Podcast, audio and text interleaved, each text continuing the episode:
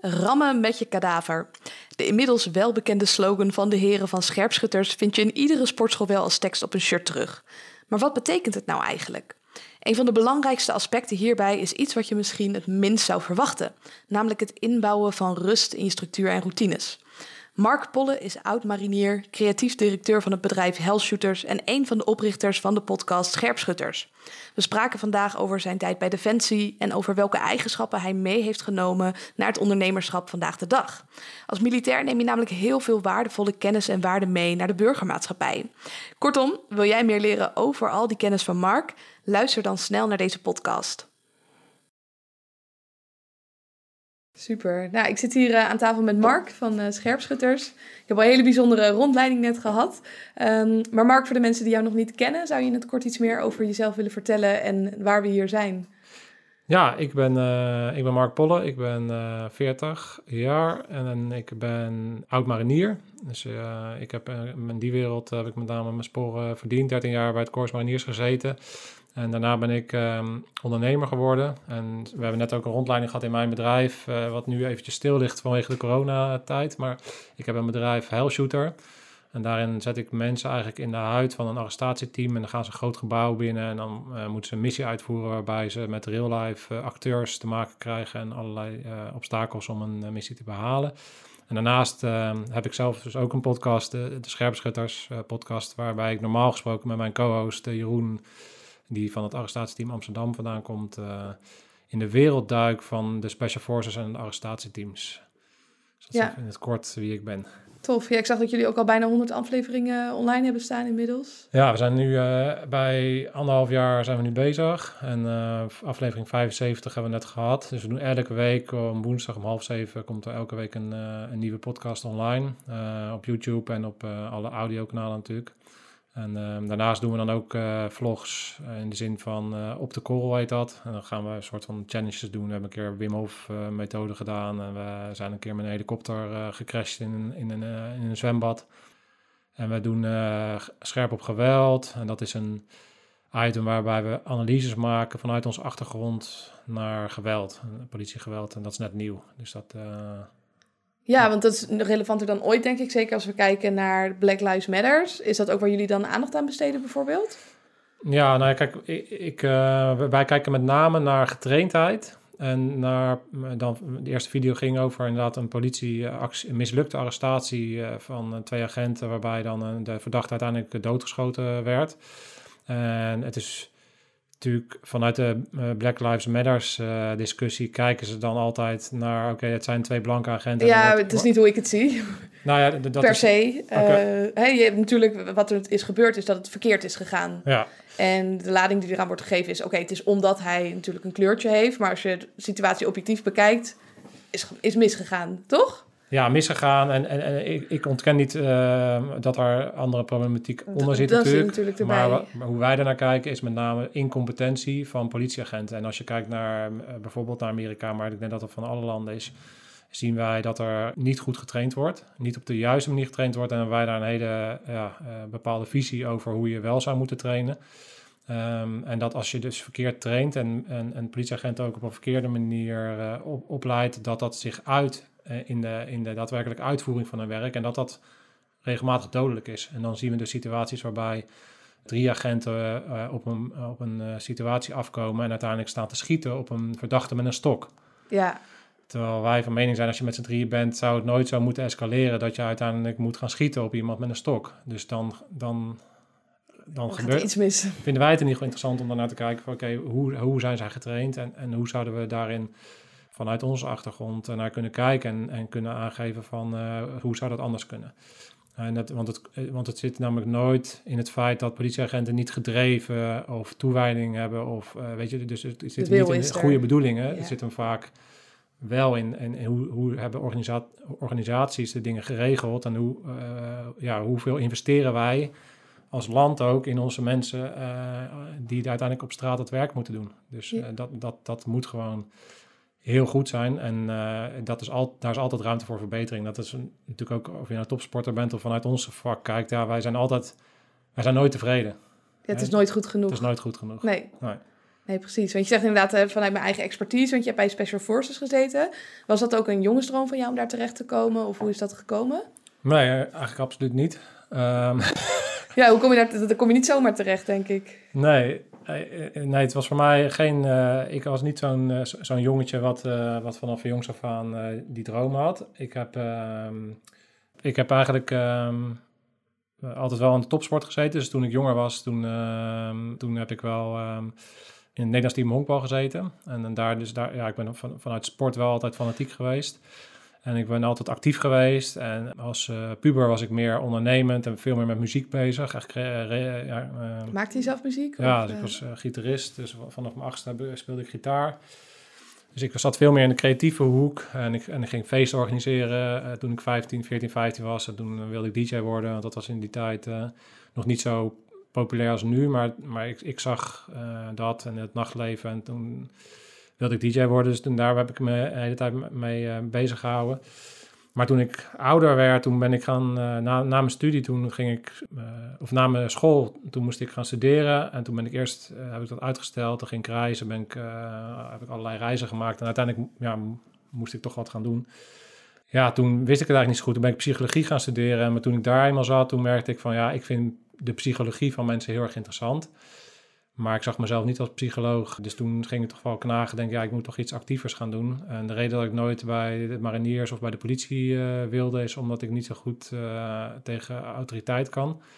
Eh, dat ik wel inschatte dat ik daar moeite mee zou gaan krijgen. Maar uiteindelijk heb ik me daar toch overheen gezet en ben ik het wel gaan doen.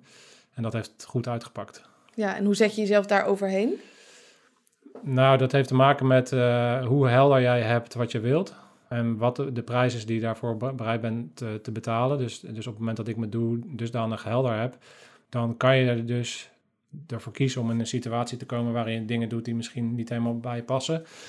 Omdat je een groter doel hebt. Eh, maar wat ik wel zie is, als, als, als ik nu terugkijk, is dat dit aan het eind van mijn carrière begon dat ding wel steeds meer naar boven te komen. En is dat ook een van de redenen geweest dat ik uiteindelijk heb gezegd van, eh, deze organisatie past mij niet zo goed, omdat ik heel erg gesteld ben op autonomiteit en op vrijheid. En uiteindelijk dat dat een wel eh, ook daartoe heeft geleid dat het, dat het voor mij een houd, houdbaarheidsdatum had. Eh, Ja. ja, de manier waarop je erop overheen zet is als je iets graag, eh, graag genoeg wilt. Precies. En als je dan kijkt naar een stukje eigenschappen, geloof je dan ook dat jij eenmaal die eigenschap hebt? Want je zegt later kwam die ook weer opspelen. Of denk je dat je dat ook wel kan veranderen? Nee, ik denk dat dat een kernwaarde is. Als ik naar mezelf kijk, is autonomiteit en bewegingsvrijheid, dat is een kernwaarde.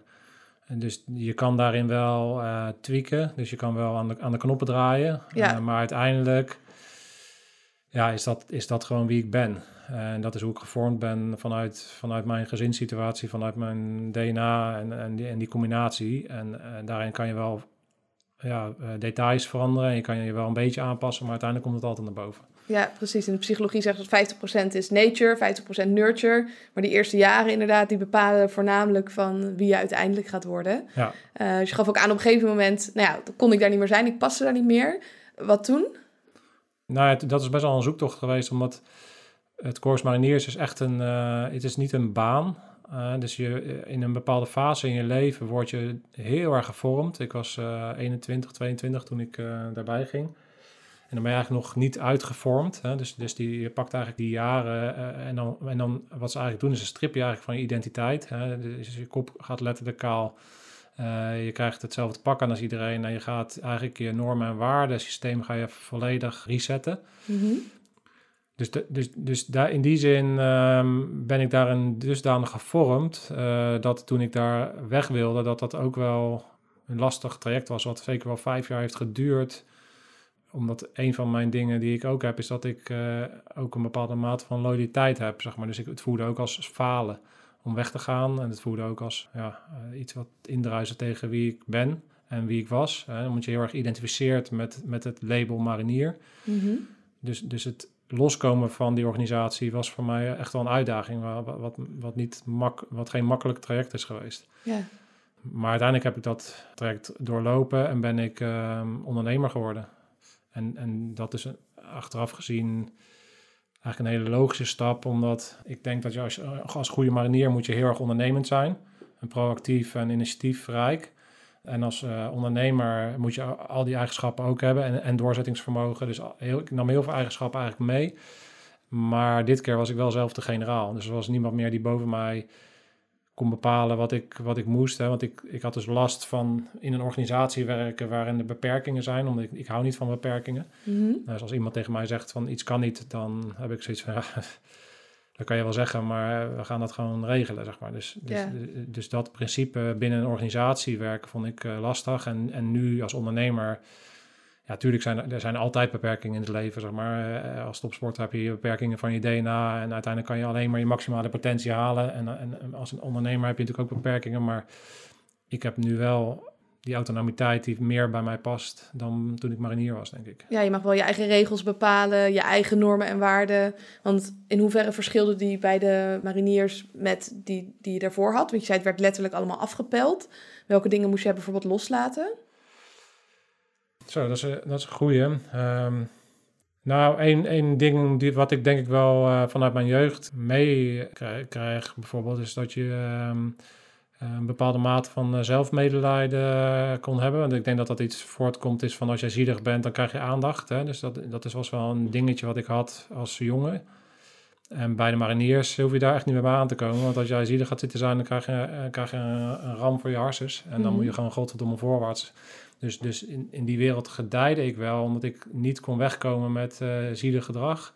En gewoon de dingen moest regelen. Dus daarin ben ik best wel volwassen geworden, zeg maar. Dus, dus, dus het eigenaarschap wat je binnen de mariniers hebt, is dat je verantwoordelijkheid neemt voor hetgene wat je doet. En dus Ja. als, jou, als jouw wapen niet goed genoeg schoon is, dan kan, dan kan je, dat is niet die, je kan niet iemand anders de schuld geven. Jij hebt gewoon je zaakjes niet gedaan. Je kan wel zeggen, ja, maar ik had geen tijd.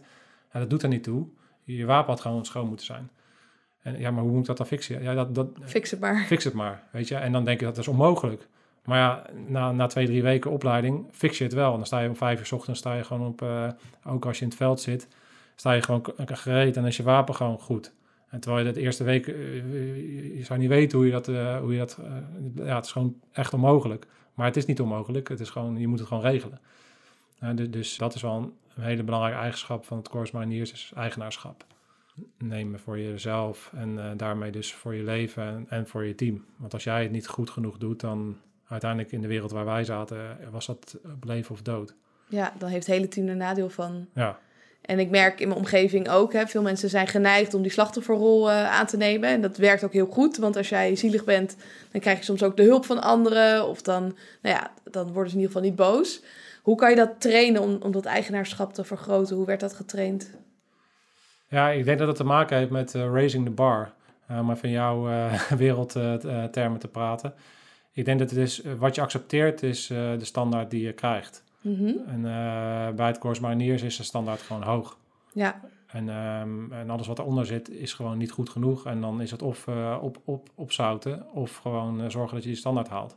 En ik denk dat dat een wereld is waarin eigenaarschap vanzelf ontstaat. Want dan kom je niet weg met smoesjes.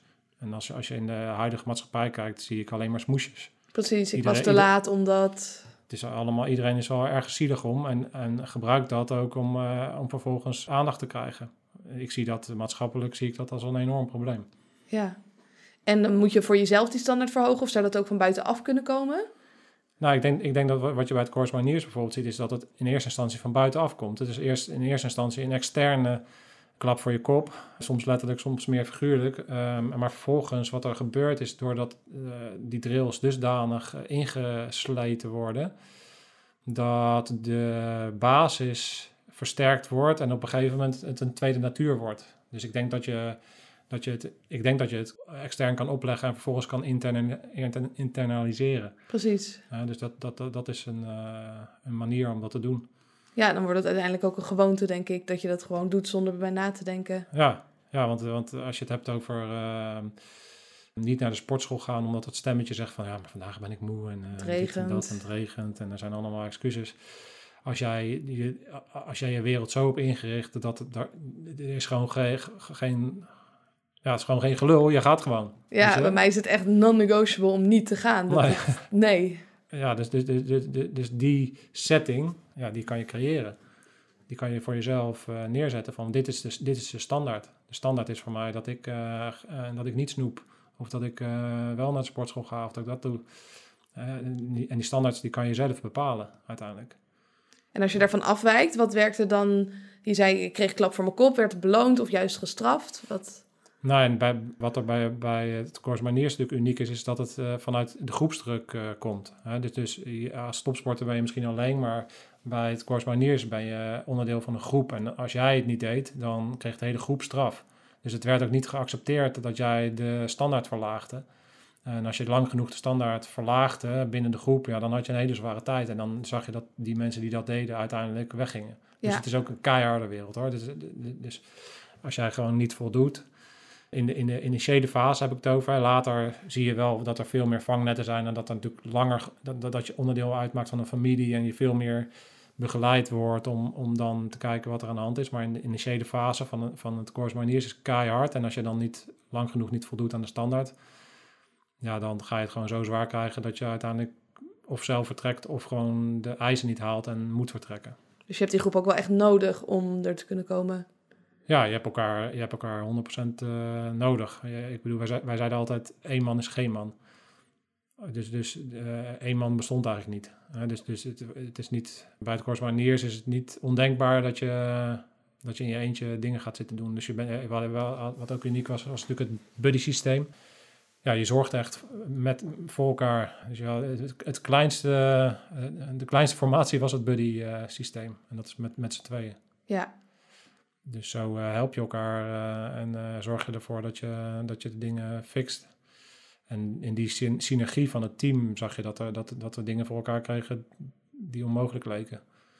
En dat, is wel, dat geeft wel een kick. Ja, ik kan me helemaal voorstellen. Want ik merk dat in het dagelijkse leven mensen graag dingen zelf willen doen. En het lastig vinden om om hulp te vragen. Was dat iets waar je zelf tegenaan liep? Of was dat daar gewoon eigenlijk vanzelfsprekend dat je het samen deed?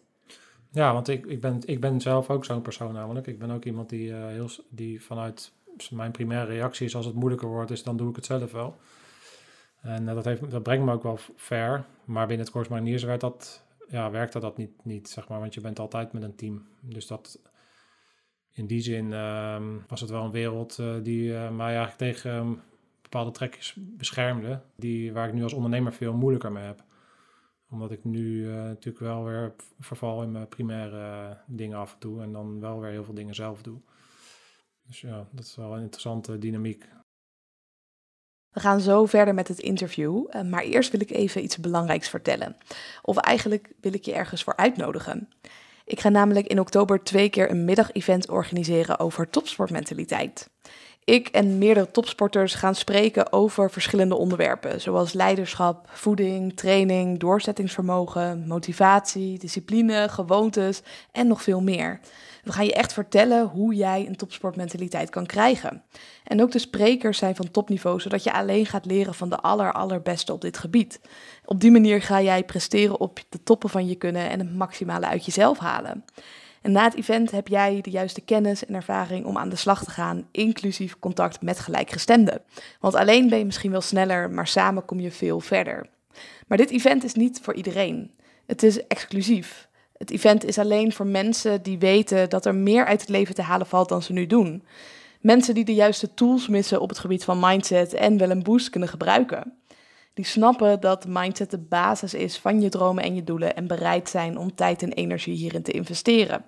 Ik wil er echt alleen zijn met de mensen die er echt willen zijn. En wil jij er echt bij zijn? Stuur me dan even een mailtje uh, naar info.isabelleveteris.nl of stuur me een DM via Instagram en ik vertel je er dan wat meer over. En wie weet ontmoeten we elkaar niet alleen online, maar straks ook offline. Ja, dus wat je grofweg zegt is van we hebben allemaal die primaire manier van omgaan. En door je omgeving kan je dat wel een beetje trainen en veranderen. Maar als je dat niet blijft trainen, dan schiet je toch weer terug in die oude gewoontes. Klopt dat? Ja, ja. Nee, dat, dat, daar ben ik wel van overtuigd. Dat is ook wel wat we doen bijvoorbeeld met scherpschutters uh, trainingen. En dan gebruiken we de hell shooter setting om, om teams uh, te bekijken um, en, te, en te coachen. Uh, en te begeleiden naar, naar een betere, naar betere vorm van samenwerking. En dan hebben we het ook altijd over primaire reacties. Want door mensen in een hele spannende setting te zetten, dan, dan schieten mensen naar een primaire gedrag. En um, daarin ben ik inmiddels wel overtuigd geraakt dat je op een kantoor of in je dagelijks leven best wel een kunstje kan aanleren.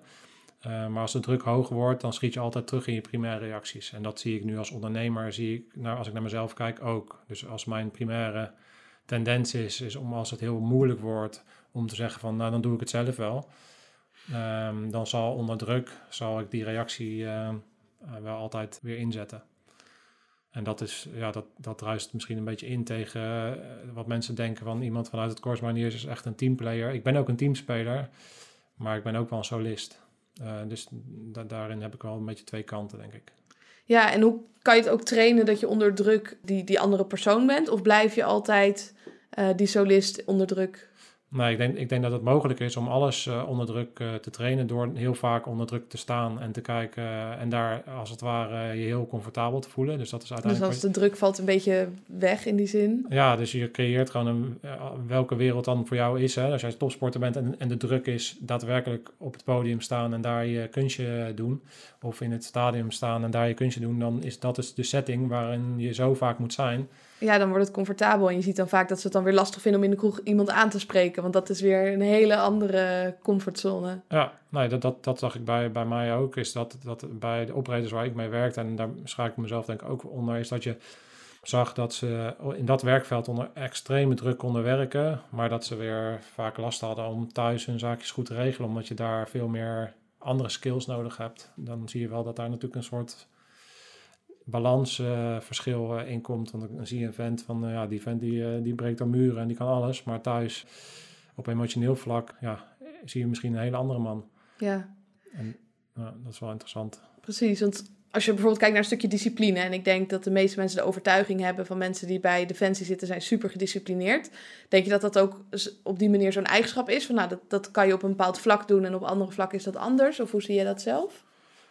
Ja, ik denk dat dat, eh, ik denk dat discipline uh, uiteindelijk wel iets is wat je waarschijnlijk wel een beetje meeneemt in, uh, in, in, allerlei werelden. Mm -hmm. Maar ik denk zeker zo dat, um, dat het, dat het uh, zo kan zijn dat je bijvoorbeeld heel gedisciplineerd bent en een soort tegenreactie hebt in een andere situatie. Van andere, als je in een andere setting zet, bijvoorbeeld thuis, heb je gewoon zo'n, dat die werelden zo ver uit elkaar staan dat het zeker kan zijn dat iemand die heel gedisciplineerd is, bijvoorbeeld bij, bij het Maniers op de kazerne thuis Chaos. Gewoon uh, ja, een, een, zootje van maakt, uh, zeg maar. En zijn kasten juist niet netjes heeft, omdat hij anders toch primair eigenlijk anders in elkaar zit. Ja, ja. Nee, interessant wat je zegt, dat, je, dat het inderdaad meer met de primaire kant te maken heeft. Dat als iemand al geboren is en dat het makkelijk afgaat, dat het dan op alle vlakken zo is. Maar als je dat hebt geleerd in een bepaalde setting, dat dat niet wil zeggen dat dat dus in alle settings naar voren komt. Nou, ik denk niet dat dat altijd uh, stand houdt, zeg maar. Ik denk dat iemand, uh, dat zullen de meeste mensen wel herkennen. Kijk, de ene die heeft gewoon, uh, ik heb echt overzicht nodig. Dus ik, wil, ik hou van nette ruimtes voordat ik ga werken. En dus, dus ik ben zo iemand die gaat opruimen voordat hij gaat studeren, zeg maar. Ja. En je hebt, en jij hebt mensen die, die moeten gewoon rommel hebben om zich heen, om, om zich lekker te voelen. Dus ja, dat ik denk dat je dat er niet uit gaat, dusdanig uit gaat slaan, zeg maar, uh, bij zo'n course maniers. Uh, je, je, je, leert dan een kunstje, maar ik denk dat, dat je uiteindelijk, als je daar lang genoeg weg bent, dat je weer terugvalt in je primaire gedrag. Ja, ja, want je zei daarna ging ik ondernemen. Ben je meteen dit gaan doen of eerst andere dingen? Ja, nou, ik heb daarvoor wel, ik, ik was eigenlijk al vanaf jongs af aan ondernemend. Dus toen ik 15 was, toen gaf ik al feesten en vanuit de muziek. En ik heb dus, ik heb producer ik ben producer geweest, dus ik heb mijn eigen muziekstudio gehad en ik heb een DJ-school gehad. Maar dat, wa dat waren, als je echt kijkt naar ondernemersniveau, waren dat meer, eerste stapjes in het ondernemerschap en meer hobbyisme te noemen dan, uh, dan daadwerkelijk uh, ondernemingen. En mijn eerste echte onderneming was Hellshooter. En dat ben ik direct gaan doen toen ik wegging bij de Mariniers in 2015. Ja, en is dat wat het nu is nog hetzelfde als toen? Of is dat, hoe is dat gegroeid? Ja, dit is eigenlijk echt vanuit, ja, het is gegroeid vanuit een idee wat ik had, werkelijkheid geworden. En toen deed ik in het begin heel veel zelf. En langzaam is daar steeds meer personeel bij betrokken geraakt. En uh, zijn we de afgelopen vijf jaar echt gegroeid. En op een gegeven moment, voor de coronacrisis, hadden we 25 man gemiddeld zo'n beetje die bij ons werkten. Dus parttimers dan, hè? Ja. En dan één of twee mensen die uh, uh, meer richting de fulltime zaten. Dus dan, dan heb je wel een ontwikkeling. En dan, dus dat, heeft, dat bedrijf heeft zich echt ontwikkeld van, ja, we hadden, ik had niks. Dus toen ik begon met mijn bedrijf, toen had ik net, was ik net gescheiden, was in de crisis. Dus ik had letterlijk geen stijver aan mijn kont te krabben. En dus in die situatie ben ik gestart. En dus we zijn echt gaan groeien vanuit de omzet. Dus gewoon een goed idee uh, gaan doen, pionieren. Uh, en al het geld wat er verdiend werd, werd teruggestopt in het bedrijf. En dat heb ik zes jaar gedaan. En voor de crisis, voor de coronacrisis, ja, hadden we net ongeveer een jaar, anderhalf jaar, twee jaar dat we dus het draaiden dat, dat ik daarvan kon leven en dat andere mensen daarvan konden leven. En, dat, en dus we zaten eigenlijk net op het punt dat we een beetje begonnen te, ja, dat, het, dat, dat het wat stabieler bedrijf werd, zeg maar. En uh, ja, dan zie je dat ondernemerschap is gewoon iets waarin je nooit weet waar je aan toe bent. Nee, dat is echt een rollercoaster. Ja, dus dan, ik had in mijn risico's, risicoanalyses had ik niet rekening gehouden met het scenario corona en de maatregelen die onze overheid nu neemt. Ik denk niemand. Nee, nee maar ik kan, ik kan me daar achteraf wel ja, heb ik wel, heb ik, kan ik daar wel dan kritisch naar kijken en denken, oké, hoe kan het dan zijn? Want ik, ik, ik ben dan eigenlijk de master van het uh, ambush moment. Hè? Dat is hetgene waar wij het altijd over hebben. Hoe kan het zijn dat ik dan uiteindelijk toch zelf ook in een ambush terecht ben gekomen als ondernemer? Mhm. Maar goed, ik denk dat, dat het wel zo is dat, dat niemand dit had kunnen voorzien. En um, dat het uiteindelijk dus om gaat, is dat je altijd ambush momenten zal krijgen. Dus je zal altijd dingen op je bord krijgen die je niet had zien aankomen. En dat het er dan veel meer om gaat, dus wat doe je dan? Ja. Ja, hoe bereid je nou voor op het onvoorbereide? Dat, dat, dat is super lastig. Ja, exact. Dus dat, uh, daar moet ik, daar, dat heb ik ook snel losgelaten. Oké, dat, dat, is wat het is. En ik wist wel dat ik de hoge overheidskosten had en dat ik daarin wat moest doen. Maar de situatie van het bedrijf was ook zo gelopen dat dat, dat dan eenmaal uh, het soort bedrijf is, weet je wel. En uh, met mij velen. Ik denk dat er heel veel ondernemers zijn die nu in dezelfde situatie zitten als ik. Uh, gezien de aanvragen en subsidies die er nu gedaan worden. Ja. Ja, praat je volgens mij, uh, ik weet niet wat de cijfers zijn, maar volgens mij 800.000 bedrijven zo'n beetje. Heel veel inderdaad, ja. Of, of was het 800.000 mensen en 100.000 bedrijven of 150.000 bedrijven die, uh, die met een dergelijke situatie zitten. Ja, ja, je zijn er zeker niet de enige in. En als we bijvoorbeeld kijken naar de toekomst, hè, met de rondleiding gaf je een aantal toekomstplannen aan. wat zijn die plannen voor jou? Nou, wat ik, uh, waar ik heel veel plezier uit haal is uh, content maken. Dus de podcast en de, de dingen voor YouTube maken.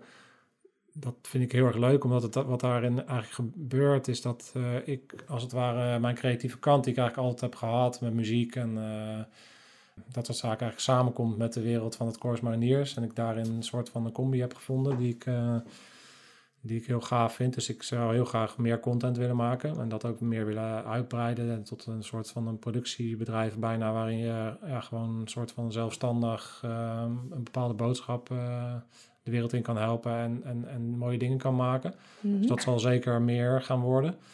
En daarnaast um, ja, zal ik onder de huidige omstandigheden Hell Shooter weer gaan heropenen. Maar dan wel vanuit een... Uh, met, met alle kennis meenemen die ik van de afgelopen zes jaar heb meegenomen. Dus ook wel inrichten op een manier dat ik ook een tweede golf of een dat soort zaken. Ja, dus, ja dat je het aan kan. Uh... Ja, dat ik dus de dingen net even wat anders in ga richten. Dus in het begin zal het weer meer zelf even doen en dan weer kijken wanneer je wat kan uitbesteden. Ja, precies. Dus uh, ja, dat wordt wel uh, interessant.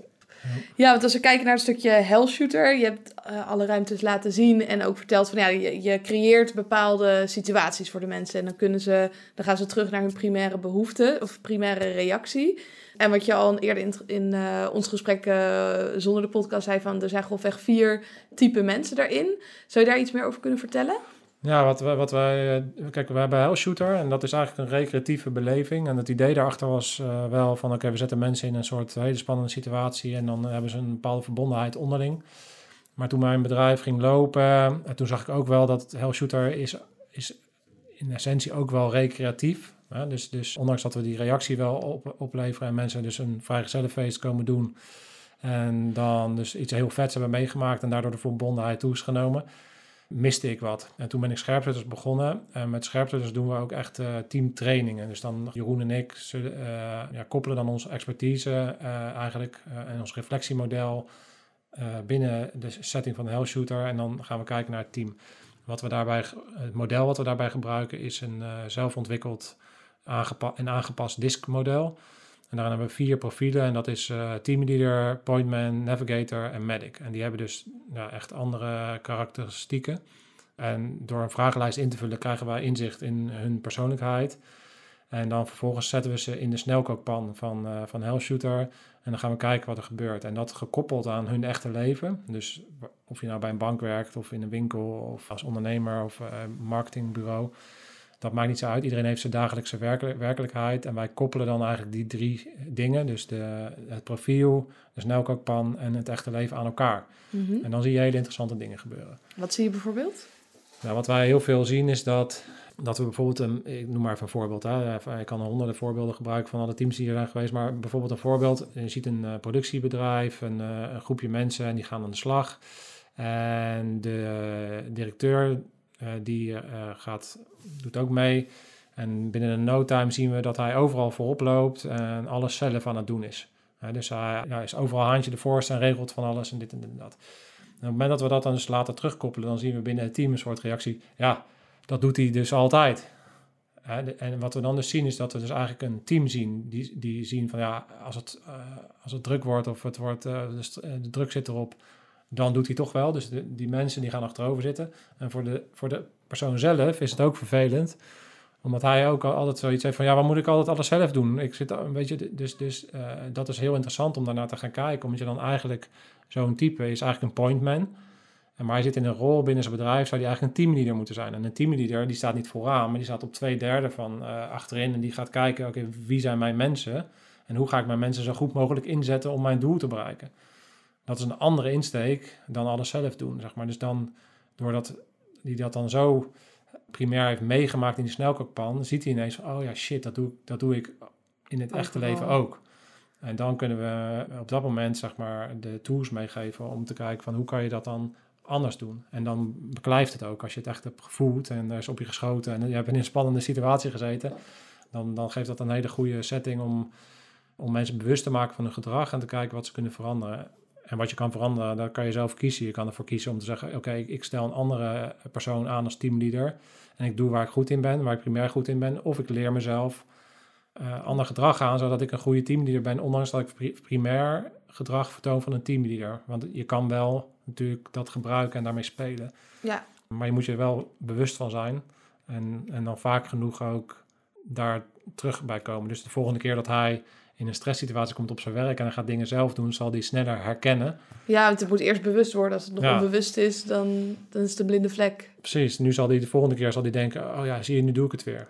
En, dan kan hij, en, en, je kan met je team dan ook bespreekbaar maken door dat je hier bent. Uh, van oké, dit is dus wat er gebeurt. Maar het is niet effectief. Hoe kunnen we nou met elkaar oplossen dat, dat, dat, uh, dat we dat als team anders doen? Precies. En dan, dan, dan kan je dus met een team uh, gaan kijken van hoe gaan we de optimale verdeling neerzetten. En dan ga je ineens zien dat die andere mensen ook ineens zien van, nou ja, nu kan ik tenminste wat ik eigenlijk zou willen doen, doen. Want je ziet dan dus dat zij vaak gedrag tegenhielden, omdat hij toch alles zelf deed. Terwijl als je dat dus gaat tweaken en, er gebeuren, en dan, dan komt iedereen ineens beter tot zijn recht. Ja, en je zei, je ziet soms inderdaad dat het allemaal op één lijn ligt. Hè, wat ze doen, eh, hun persoonlijkheid en wat ze dan in de stresssituatie doen. Ja. Verschilt dat ook nog wel eens, dat dat helemaal uiteen loopt? Nou, het enige wat er verschilt is, is uh, hoe ze uh, hun zelfbeeld kan, kan wel eens uh, anders zijn. Mm -hmm. Dus het kan wel eens zo zijn dat iemand heel erg denkt dat hij een bepaald iets is en, dan, en vervolgens ander verdrag vertoont.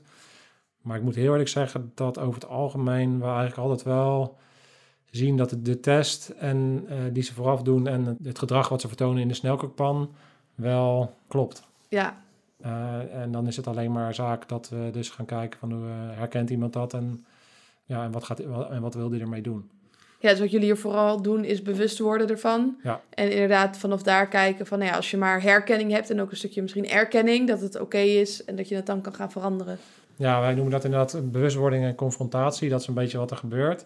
En dat is een goed punt wat je aangeeft, want wij zaten eigenlijk net in de fase voor de coronacrisis in de ontwikkeling van oké, ja, dat is eigenlijk een beetje hetzelfde als naar de tandarts gaan, maar is dat wel genoeg? dus als je echt wil veranderen, als we de volgende dag weer op kantoor zijn en, je, en waar we het al eerder over hadden, en de omgeving stimuleert eigenlijk het oude gedrag, dan verandert uiteindelijk niks, ondanks dat je een stukje bewustwording hebt gehad. Ja, je hebt je dus- eigen gouden kooi heb je gecreëerd. Ja, weet je, dus, dus daarin zou je eigenlijk moeten kijken van het next level ding zou zijn dat we dan dus een traject in company doen. En daar hebben we wel, nu zijn we nu aan het kijken naar samenwerking met Allied Forces. Dat zijn ook oud-mariniers en die doen eigenlijk dat deel. En dan kunnen zij ons gebruiken als een soort van een startpunt of een eindpunt of allebei. En dan het in company daadwerkelijk processen aanpassen aan, aan, aan de nieuwe realiteit uh, is dan wel belangrijk. Ja. Dus als jij een topsporter bent, maar leeft ergens in een uh, jungle hole met allemaal lui die slecht eten en drugs gebruiken, is dat best wel lastig. Dus je wil je omgeving ook creëren met mensen die ook graag uh, sterk willen zijn en, en, en, goed willen eten en uh, gezonde dingen willen doen. Dus Absoluut, dat scheelt al een heleboel. Dan hoef je het niet meer te doen op wilskracht, maar dan, hè, dan ben je als een chameleon aan je omgeving. Precies. Ik omring me ook met topsporters of ondernemers of mensen die in ieder geval gezondheid belangrijk vinden, want dan hoef ik er zelf niet meer over na te denken. Ja, ja, want je weet, uh, jij weet als geen ander natuurlijk dat uh, wilskracht uh, is eigenlijk een pulletje wat langzaam leegloopt. Ja. En hoe meer je onder druk staat en hoe moeier je bent, hoe meer, als je slecht slaapt een tijdje.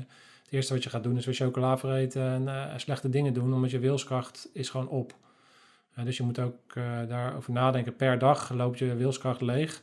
En, en je hebt een bepaalde mate van wilskracht, dus dat moet je ook inzetten. En slim inzetten. Ja, en, en dus inderdaad wel zorgen dat je de drills dusdanig in, ja, implementeert dat je er niet meer over na hoeft te denken. Dat je naar de sportschool gaat, maar dat het gewoon vanzelf gaat. Ja, ik heb vaste tijden dat ik train. Dus als het vier uur s middags is, dan ga ik trainen. Dat, dan hoef je niet meer over na te denken. Of s ochtends het eerste wat ik doe is gezond ontbijten. Of dat je in ieder geval die gewoontes erin slijt inderdaad. Dat, je, dat het allemaal wat makkelijker afgaat. Ja, en als je kijkt bij Defensie, zei je van soms was het dan maar nodig dat ik het gedaan moest krijgen, het onmogelijke. En dan stond ik om vijf uur s ochtends mijn wapen te poetsen. Leefde je dan ook in op je slaap daar? ja. dat...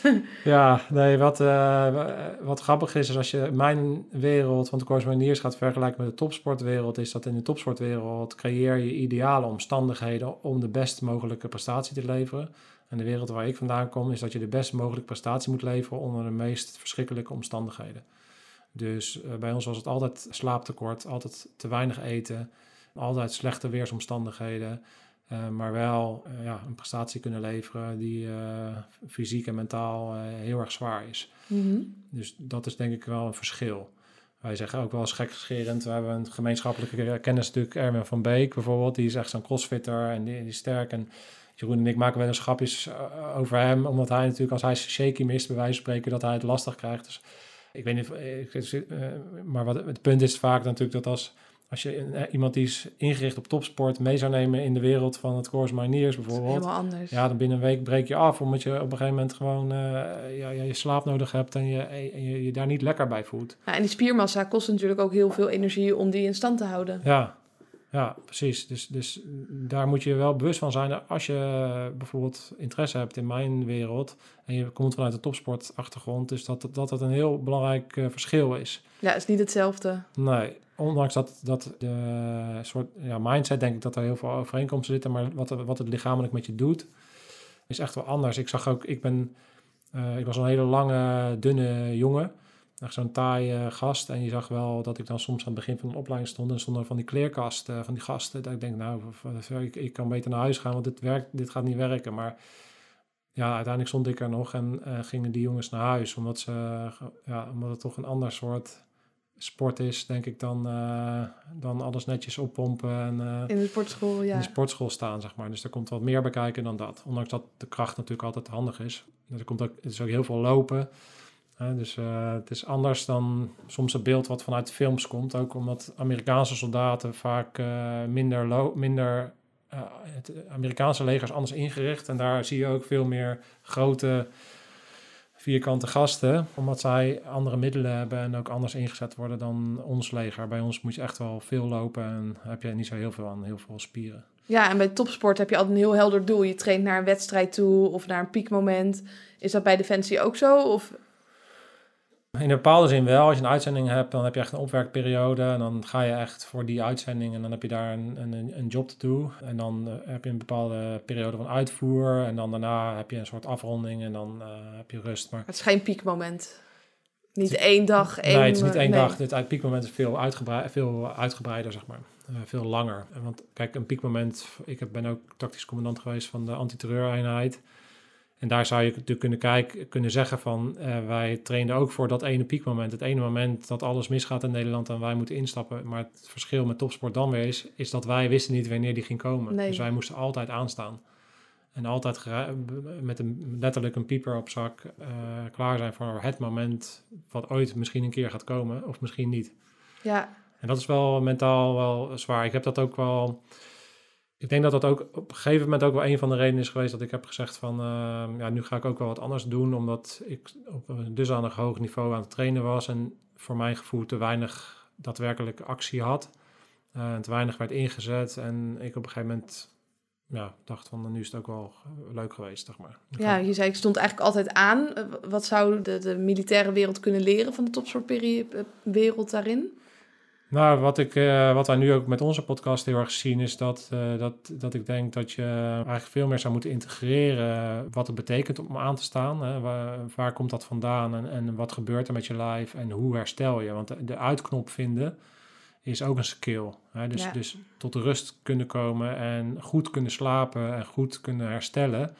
Dat is iets wat je als topsporter moet kunnen. Uh, omdat je zonder slaap kan je het wel, als je niet goed, als je niet goed slaapt, dan kan je als topsporter kan je het wel vergeten. Ja, de Tour win je in je bed. Ja, Dat zeggen ze in de fietswereld. ja nou, dat is super interessant. En dat, ik denk dat, dat van dat principe denk ik dat, de, dat, dat mijn oude wereld wel wat kan leren. Van hoe, hoe gaan we nou militairen de skills aanleren om na een uitzending een periode van herstel te hebben. Dus uh, als de piekperiode langer is, omdat een uitzending vier tot zes maanden is, dat is oké, okay, dat is dan zo.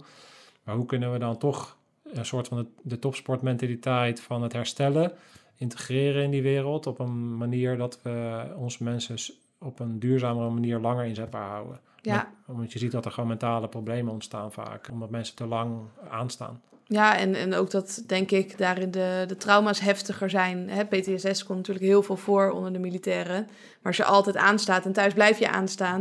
Ja, op een gegeven moment ben je denk ik helemaal leeg. Ja, ja PTSS is een hele interessante, want percentueel gezien zijn, militairen, zijn er bij militairen minder mensen met PTSS dan in de normale wereld. Mm -hmm. Dus dat is een soort beeldverwarring wat mensen hebben door de, door de media. Dat je ziet van een militaire PTSS, daar zit een soort koppeling tussen. Maar de militairen, daar is tussen de, is het ongeveer 3 à 4 procent wat PTSS heeft wel in de normale wereld. Hebben, heeft ook 5 procent van, van de bevolking PTSS. Terwijl militairen maken meer mee, denk ik, dan de mensen in de ja. normale wereld. Dus dat, dat zegt wel wat. Uh, en ik ben daar inmiddels van overtuigd geraakt dat PTSS ontstaat in je eerste 15, 20 jaar, zeg maar. Dat is, dat is, dat is waar je pulletje, waar je leven, waar je dusdanig wordt ingericht. Of dat jij in staat bent om PTSS te krijgen of niet. Dus ik denk dat daar de, een van de belangrijkste factoren ontstaat of mensen PTSS krijgen. En, en dat zit hem in een veilige thuissituatie en, en een kopingsmechanisme wat je, wat je meekrijgt.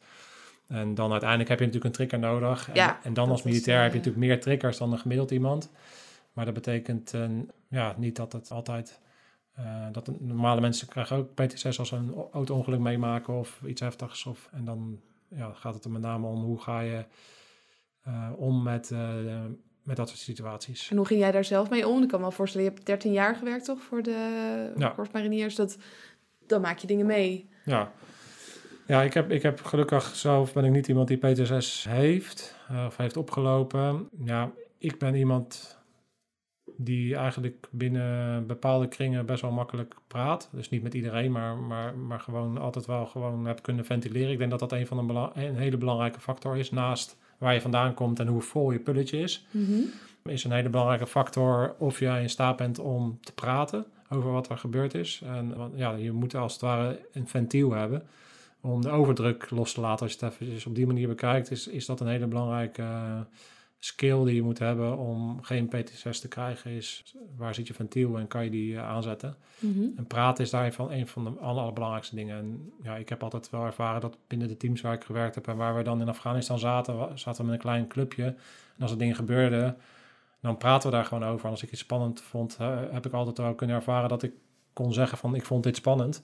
Zonder dat dat afdeed, zonder dat ik bang was dat ze me zwak zouden vinden of zo. Want dat is denk ik iets ja, een stukje kwetsbaarheid. Dat... Ja, ik heb nooit mijn kwetsbaarheid als uh, zwak ervaren. En ik denk dat dat, dat een valkuil is voor mensen die PTSS oplopen. Is dat ze zwakheid of uh, kwetsbaarheid als uh, iets zwak zien. Terwijl ik denk dat het een kracht is. Ja, en hoe zou je dat meer kunnen trainen om dat te doen? Want ik weet dat kwetsbaarheid, dat nou, meer mensen vinden dat lastig om nou ja, negatieve emoties te laten zien. Inderdaad te benoemen, oh, ik vind het spannend of ik vind het lastig.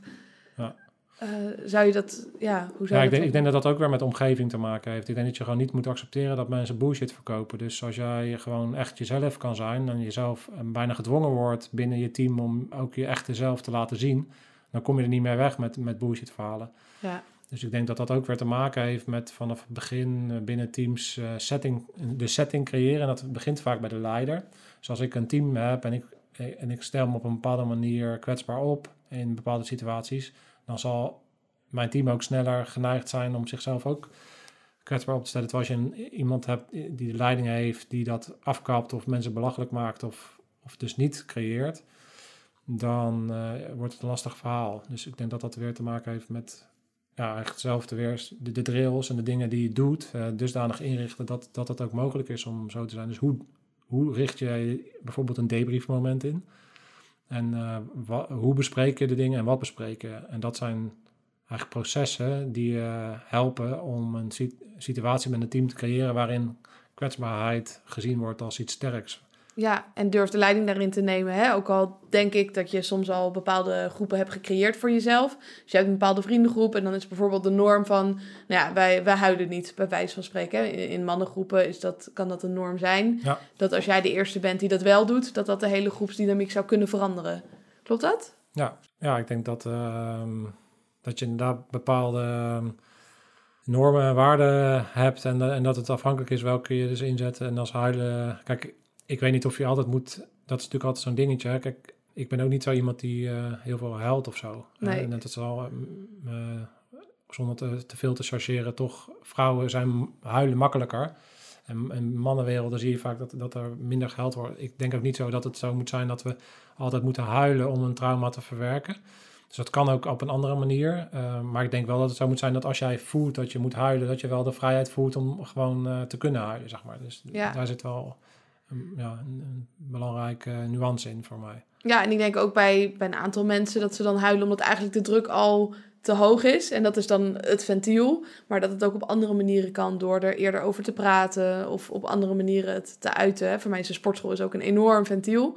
Dat als ik een bepaalde spanning heb en ik ga zwaar deadliften, nou, dan gaat het daarna veel beter eigenlijk. Ja, ja dat, dat, is, dat is wel interessant uh, wat je zegt. Het allergevaarlijkste, ook weer met de koppeling naar PTSS, is eigenlijk stress, opbouwende stress. Dat is eigenlijk het allergevaarlijkste. En als je opbouwende stress hebt, dan reageer je soms over, overmatig. En, uh, en over, een van de overmatige reacties kan ook zijn dat je dus gaat huilen. Ja. Uh, voor iets waar, wat misschien helemaal niet nodig is om te huilen. Nee, dat er iets uit het kastje valt, hoor je wel eens. En dan zijn mensen wel emotioneel. Ja, ja, dan weet je dat er dus een, een, een periode van opbouwende stress plaats heeft gevonden. Mm -hmm. Dat is in ieder geval iets wat ik dan zou denken. Dus, dus als jij. Um, wij gebruiken wel eens het voorbeeld van uh, als je bijvoorbeeld een groep mariniers hebt. Dan, en er wordt aangegeven van uh, we gaan naar Afghanistan. Noem maar wat, hè, we gaan op missie over zes maanden. Dan zie je iedereen, yes, oh god, we gaan, mogen eindelijk wat, uh, wat gaan doen. We gaan Actie, eindelijk op missie. En dan zitten er ook altijd een paar bij die, die doen dan mee met de groep, yes, yes. Maar die voelen in hun buik van shit, nu, nu, gaan we, nu gaat het echt van komen. En die vinden dat onwijs spannend. Uh, dat is normaal. En ik weet 100% zeker dat er, uh, als er mariniers zitten te kijken, dat, dat er mensen zijn die dat zullen herkennen. En dan is het dus zaak dat je gewoon erkent en herkent dat sommigen daar alleen maar enthousiast van worden en sommigen daar gewoon een bepaalde stress van ervaren. En dat je daar dus uh, aandacht aan moet geven om ervoor te, zorgen dat dat ook, dat dat ook ruim, dat dat, dat er ook mag zijn. Want anders kan het zo zijn dat het dusdanig opbouwt. Hè, dus dat ze zichzelf zo uh, aan het verbergen zijn. Dat je dan denken ze, ik ben de enige. En dat ze dus uiteindelijk dus, dusdanig opbouwende stress hebben, dan iets heftigs meemaken. En dan vergroot je ook weer de kans dat iemand PTSS oploopt. Of, ja, of dat ze uitvallen met een, met een burn-out of weet ik wat. Ja, dus eigenlijk vroegtijdig juist kwetsbaar zijn. Dat zorgt ervoor dat je op lange termijn gewoon in de, in de game blijft. En dat je niet ja. jezelf daarin, nou ja, alles opkropt en dat het erger wordt. Ja, ja, ja. ik denk dat de, de skill die daarbij komt kijken is uh, luisteren naar je live. Uh, dus, dus als jij ervaart dat iets spannend is, dan voel je dat in je lijf, dus niet in je hoofd. Vaak, weet je, dus je moet, het, je moet het, ik denk dat de koppeling maken naar je lijf veel belangrijker is. En dat is in zo'n wereld als het Course Manier is natuurlijk een beetje van, jij bent toch geen wijf? Weet je, dus zo wordt daarover gedaan. Een beetje emotioneel zitten doen. Nee, maar ik denk dat het een skill is om naar je lijf te kunnen luisteren. Ook omdat je, ook als man heb je ook een bepaalde intuïtie. Tuurlijk. Dus, dus, dus als jij niet in staat bent om je lijf te gebruiken als instrument, ja, dan ben je gewoon minder goed dan wanneer je het wel zou doen. Ja, want ik denk dat het moment suprem is het ook super handig dat je die intuïtie hebt. Dat je denkt, oeh, dit is niet helemaal oké, dat voel ik aan mijn onderbuik. Ja, ja die, die gut feeling is gewoon uh, iets, is een skill. En, en daar mag echt wel veel meer aandacht aan gegeven worden. En de valkuil die daarbij zie in mijn in een wereld van, van in een harde wereld zoals Course Mariniers, is dat het gezien wordt als zweverig of uh, zwak, zeg maar. Dat is, dat is een beetje de, het imagoprobleem wat, dat, ja, wat, wat intuïtie en gut feeling heeft, zeg maar, wat mij betreft. Ja, ja, precies. Want als je kijkt naar de toekomst, je zegt ze, zullen, ze kunnen daar in ieder geval in verbeteren. Welke mogelijkheden zie jij er zelf in? Zou dat al bijvoorbeeld bij de opleiding zijn? Of... Ja, ik denk, uh, ik, denk dat er al heel veel verbeterd is. Dus als je kijkt naar hoe het 20 jaar geleden was, dat er al uh, ja, gewoon dat het continu aan het verbeteren is, doordat de, de mensen veel bewuster zijn. En uh, natuurlijk ook, ja, ma ook maatschappelijk gezien mensen een hoger bewustwordingsniveau ontwikkelen, zeker in Nederland. Ja, mindset wordt gelukkig steeds populairder om in ieder geval aan te werken, ook al ben je niet depressief, zeg maar. Ja, ja dus het, je ziet gewoon dat in Nederland ja, volgens mij zijn er onderzoeken geweest dat bijna 100% doet aan persoonlijke groei en ontwikkeling. nou ja, ze, ze doen in ieder geval informatie erop. Ik ja. heb, zeg zelf altijd, een heleboel mensen doen eraan. Ze lezen, ze luisteren podcasten, maar hoeveel mensen zijn nu ook echt, nou ja, net zoals hier in de setting, het aan het doen of gaan in die ijsbaden of, of doen het ook daadwerkelijk.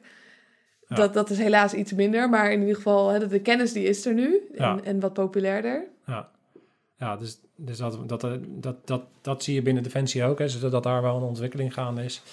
En wat, wat zouden ze nog meer kunnen doen? Ja, dat is dat gewoon verder ontwikkelen en het steeds meer embedden in uh, inderdaad opleidingen, in trainingen en in processen uiteindelijk. Dus dan ontwikkel je langzaam weer die setting waar we het al vaker over hebben gehad in dit gesprek, is de setting, zodat het steeds meer de norm wordt, waardoor je de, de bar steeds verder hoog, steeds hoger legt op dat niveau. Dus op een gegeven moment wordt het dan dus niet meer geaccepteerd dat je, dat je je niet open opstelt in een debrief. Want dan ben je een gevaar. Ja. Een gevaar voor jezelf en een gevaar voor het team. Precies, ja, want als jij niet te peilen bent, dan... Uh... Ja, daar heb je helemaal, helemaal niks aan. Als, ik vind het niks irritanter dan, dan iemand die zich niet open opstelt. Uh, voor mij zou dat een no-go zijn om in mijn team uh, te werken. Omdat op dat moment ben jij eigenlijk niet bereid om naar jezelf te kijken en om te verbeteren. En dan vind ik dat je, dat je in de verkeerde omgeving zit als het om leven en dood gaat. Want dan moet je de wil hebben om continu beter te zijn. Dan moet je die topsportmentaliteit hebben. Ja. Omdat je anders, je kan jezelf nooit in de spiegel aankijken als jij in een actie een uh, buddy verliest. Terwijl je weet dat je beter had gekund in training. Ja, dan zit je gewoon in de verkeerde wereld. Ja, ik zeg inderdaad topsportmentaliteit, leren van je fouten. Wat ik vaak topsporters ook hoor zeggen van nou ja, leren van tegenslagen. Die heb je nodig om te groeien. Wat is voor jou je grootste tegenslag geweest? Grootste tegenslag? Ja, eh, dat vind ik een lastige. Ik denk dat ik heel veel tegenslagen heb en ik daarin um, eigenlijk continu eh, de mentaliteit heb ook van winnen of leren. Weet je Dus, dus ondanks dat het mijn grootste tegenslag. Ja, ik heb, op, welk vlak zijn eentje van de mariniers? Mag alles. Ja, bij sporters zie je vaak een blessure is dan een tegenslag, maar dan komen ze sterker terug. Ik heb bijvoorbeeld Leontien van Morsel geïnterviewd. Haar grootste tegenslag was dan voor haar de eetstoornis die ze kreeg. Maar daarna kwam ze ook sterker terug dan ooit. Maar misschien, hè, wat je zegt, ik leer gewoon elke keer van de tegenslagen en heb ik er niet per se één die er nou ja, kijk, ik heb uh, natuurlijk uh, zoveel uh, tegenslagen. Ik, op, op, op privé vlak heb ik allerlei zaken gehad. Hè. Dus ik ben ook een gescheiden vader. En zijn er dingen gelopen die ik misschien van tevoren anders had kunnen doen.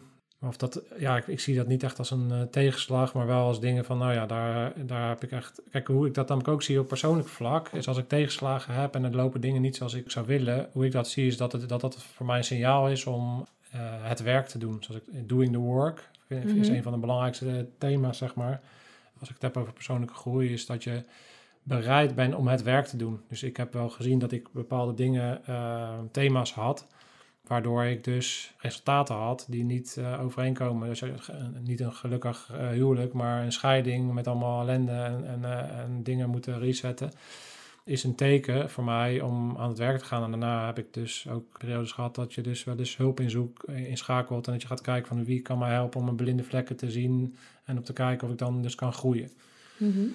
Dus dat, dus ja, een tegenslagen voor mij als, als, een tegenslag is misschien ook wel een desillusie. Ik heb wel, uh, wel eens ervaren dat, dat ik heel hard heb gewerkt om ergens te komen bij de Special Forces. En dat ik in een bepaalde zin altijd wel een, bepaalde mate van onbevredigd gevoel heb. Omdat ik nooit mijn skills dusdanig heb kunnen inzetten. Ondanks dat dat eigenlijk heel tegenstrijdig is. Omdat dat zou betekenen dat er bijvoorbeeld een hele grote aanslag in Nederland had moeten zijn. En wij daar ingezet werden. En dat wil je natuurlijk helemaal niet. Nee. Maar dat is wel waar ik voor getraind was. En ik heb dat op dat aller, aller, allerhoogste niveau, uh, heb ik dat nooit dusdanig kunnen testen. Maar, ja, maar waar ik wel eigenlijk een heel groot deel van mijn leven aan heb gewijd. Ja, je traint eigenlijk voor een wedstrijd die er nooit is gekomen. Nou, ja. ondanks dat ik wel natuurlijk wedstrijden heb gespeeld. Hè, dus in Afghanistan ben geweest en in Somalië. En we daar ook echt, echt daadwerkelijk mensen hebben bevrijd uit een gijzeling. En voelt het voor mij wel enige, enige maat van onbevredigdheid. Het is een beetje denk ik vergelijkbaar van dat je wel Europese kampioen bent geworden, maar nooit wereldkampioen bent geworden of iets ja. dergelijks. Ja, ja. ja, of dan die gouden plak op de Olympische Spelen wil halen. Of, uh, ja. ja. En dat dan de Olympische Spelen gewoon niet doorgaat, zeg maar. Dat, dat, dat, dat gevoel heb ik wel een klein beetje. Precies. En ik vind bij jou ook heel tof om te zien dat je nou ja, de dingen die je daar deed, de, die goed voor je werkten, ook uh, nu doet. Dus uh, dat stukje druk, dat is iets wat je nog doet. Um, wat je vaak ziet bij topsporters, is dat ze daarna het uh, loslaten. Dus een Erika Terpstra bijvoorbeeld, hè, die, die was kampioen zwemmen. Nou ja, daarna is ze meer dan twee keer zo dik geworden. Lukt het jou om die dingen die daar werkten vast te houden? Of hoe ga je daar zelf mee om? Ja, ik denk dat dat mij lukt. En dat lukt mij maar, dat, maar, het is, maar het kost me wel energie en werk, zeg maar. Dus, dus een aantal dingen, als ik ik ben het meest effectief bijvoorbeeld als ik bepaalde practices toepas. Daily practice, zeg maar, voor mij is om uh, aan het eind van de dag even naar de volgende dag te kijken, de drie belangrijkste dingen op te schrijven en een uh, globale tijdschema te maken. Mm -hmm. En om, ik, ik gebruik de Wim Hof methode bijvoorbeeld uh, dagelijks om een bepaalde stressrelief te doen. De ademhaling. ademhalingstechnieken. Douche je ook koud? Uh, dat heb ik een hele tijd gedaan. En nu heb ik dat dan weer een periode niet gedaan. Ook omdat ik het heb gedaan als test. Omdat ik wilde kijken of mijn hooikoorts uh, wegging. Dus ik heb het een half jaar heb ik dat volgehouden. En mijn hooikoorts is niet weg. test is niet gelukt. Nou ja, het is, het is, of dat zo één op één te zeggen is ik heb wel het idee dat het dit jaar milder was. Dus ik heb wel het gevoel dat het iets heeft gedaan. Ik heb wel het gevoel dat ik een hele hoge weerstand heb. Sinds ik koud, die periode koud heb gedoucht, ben ik niet verkouden geweest. Dus vorig jaar in de herfst bijvoorbeeld uh, merkte ik gewoon, ja, gewoon niks, geen verkoudheid, niks. Dus ik ben er wel van overtuigd dat het werkt. Maar dat is dan dus, nou ja, ik ben ook maar mens. Dus dat is wel een van de dingen die dus langzaam soms weer... Uh, hoe wegcijpelt, zeg maar. Dus dan weer, en nu, nu ik het over heb, denk ik van, oh ja, ik moet weer gaan koud, koud, gaan douchen. Maar, de, maar het ding wat mij, wat is wel, je moet ook in je practices moet je ook wel durven kijken wat werkt. Dus het ademhalen vind ik zo, geeft me zo'n uh, goed gevoel. En het werkt zo goed. Uh, beter zelfs dan uh, gewoon een meditatie, uh, wat ik ook de hele tijd heb gedaan, werkt de Wim Hof methode voor mij, is, omdat het iets actiever is en iets, iets lichamelijker meer reactie heeft dan alleen maar je mediteren. enorm veel zuurstof krijg je in één keer binnen. Ja, dus het doet mentaal iets en het doet iets met de ontspanning van je, van je lijf en het doet iets met je energieniveau en je geluksniveau. dus die factoren voor mij is dat bijna een soort van de ideale practice die ik dagelijks doe. Um, en daar moet je gewoon in zoeken. Ik heb ook uh, jarenlang allerlei soorten meditatiedingen gedaan, omdat ik heel erg iemand ben die continu aanstaat. Heb ik een practice nodig en dat is sporten. Ja, sporten is voor mij ook zeg maar een soort van meditatie. Dus hardlopen was lang een soort meditatie.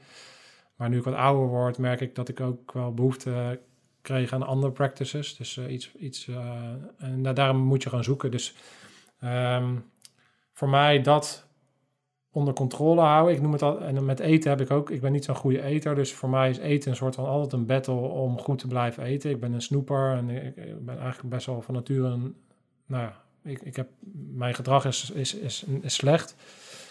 Dus daarin uh, en slapen, um, zeg maar, die dingen ben ik wel, ik ben er eigenlijk continu mee uh, bezig. Ja, het is een soort van dans, van soms ga je iets meer de ene kant op, soms de andere. Ja, dus het is echt uh, een beetje een golvende beweging. Er zijn periodes dat het gewoon makkelijk gaat en de periodes dat ik me mentaal slechter voel, heb ik ook nog steeds gewoon, de, ik ben nog steeds de tendens om dus mijn drills niet meer goed uit te voeren.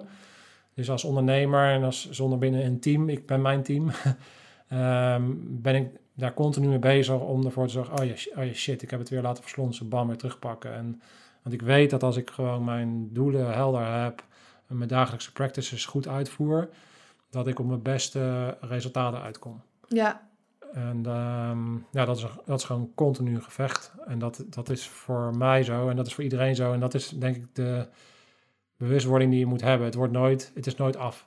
Nee, je blijft altijd werken aan jezelf. En dat zie ik ook al vaak ook bij de mensen die ik help. Dat als het lastiger gaat, dan ben je geneigd om je doelen te laten versloffen of helemaal los te laten. Ja, Terwijl vaak het laatste wat je moet doen is dat, want dan heb je nog tien problemen erbij. ja.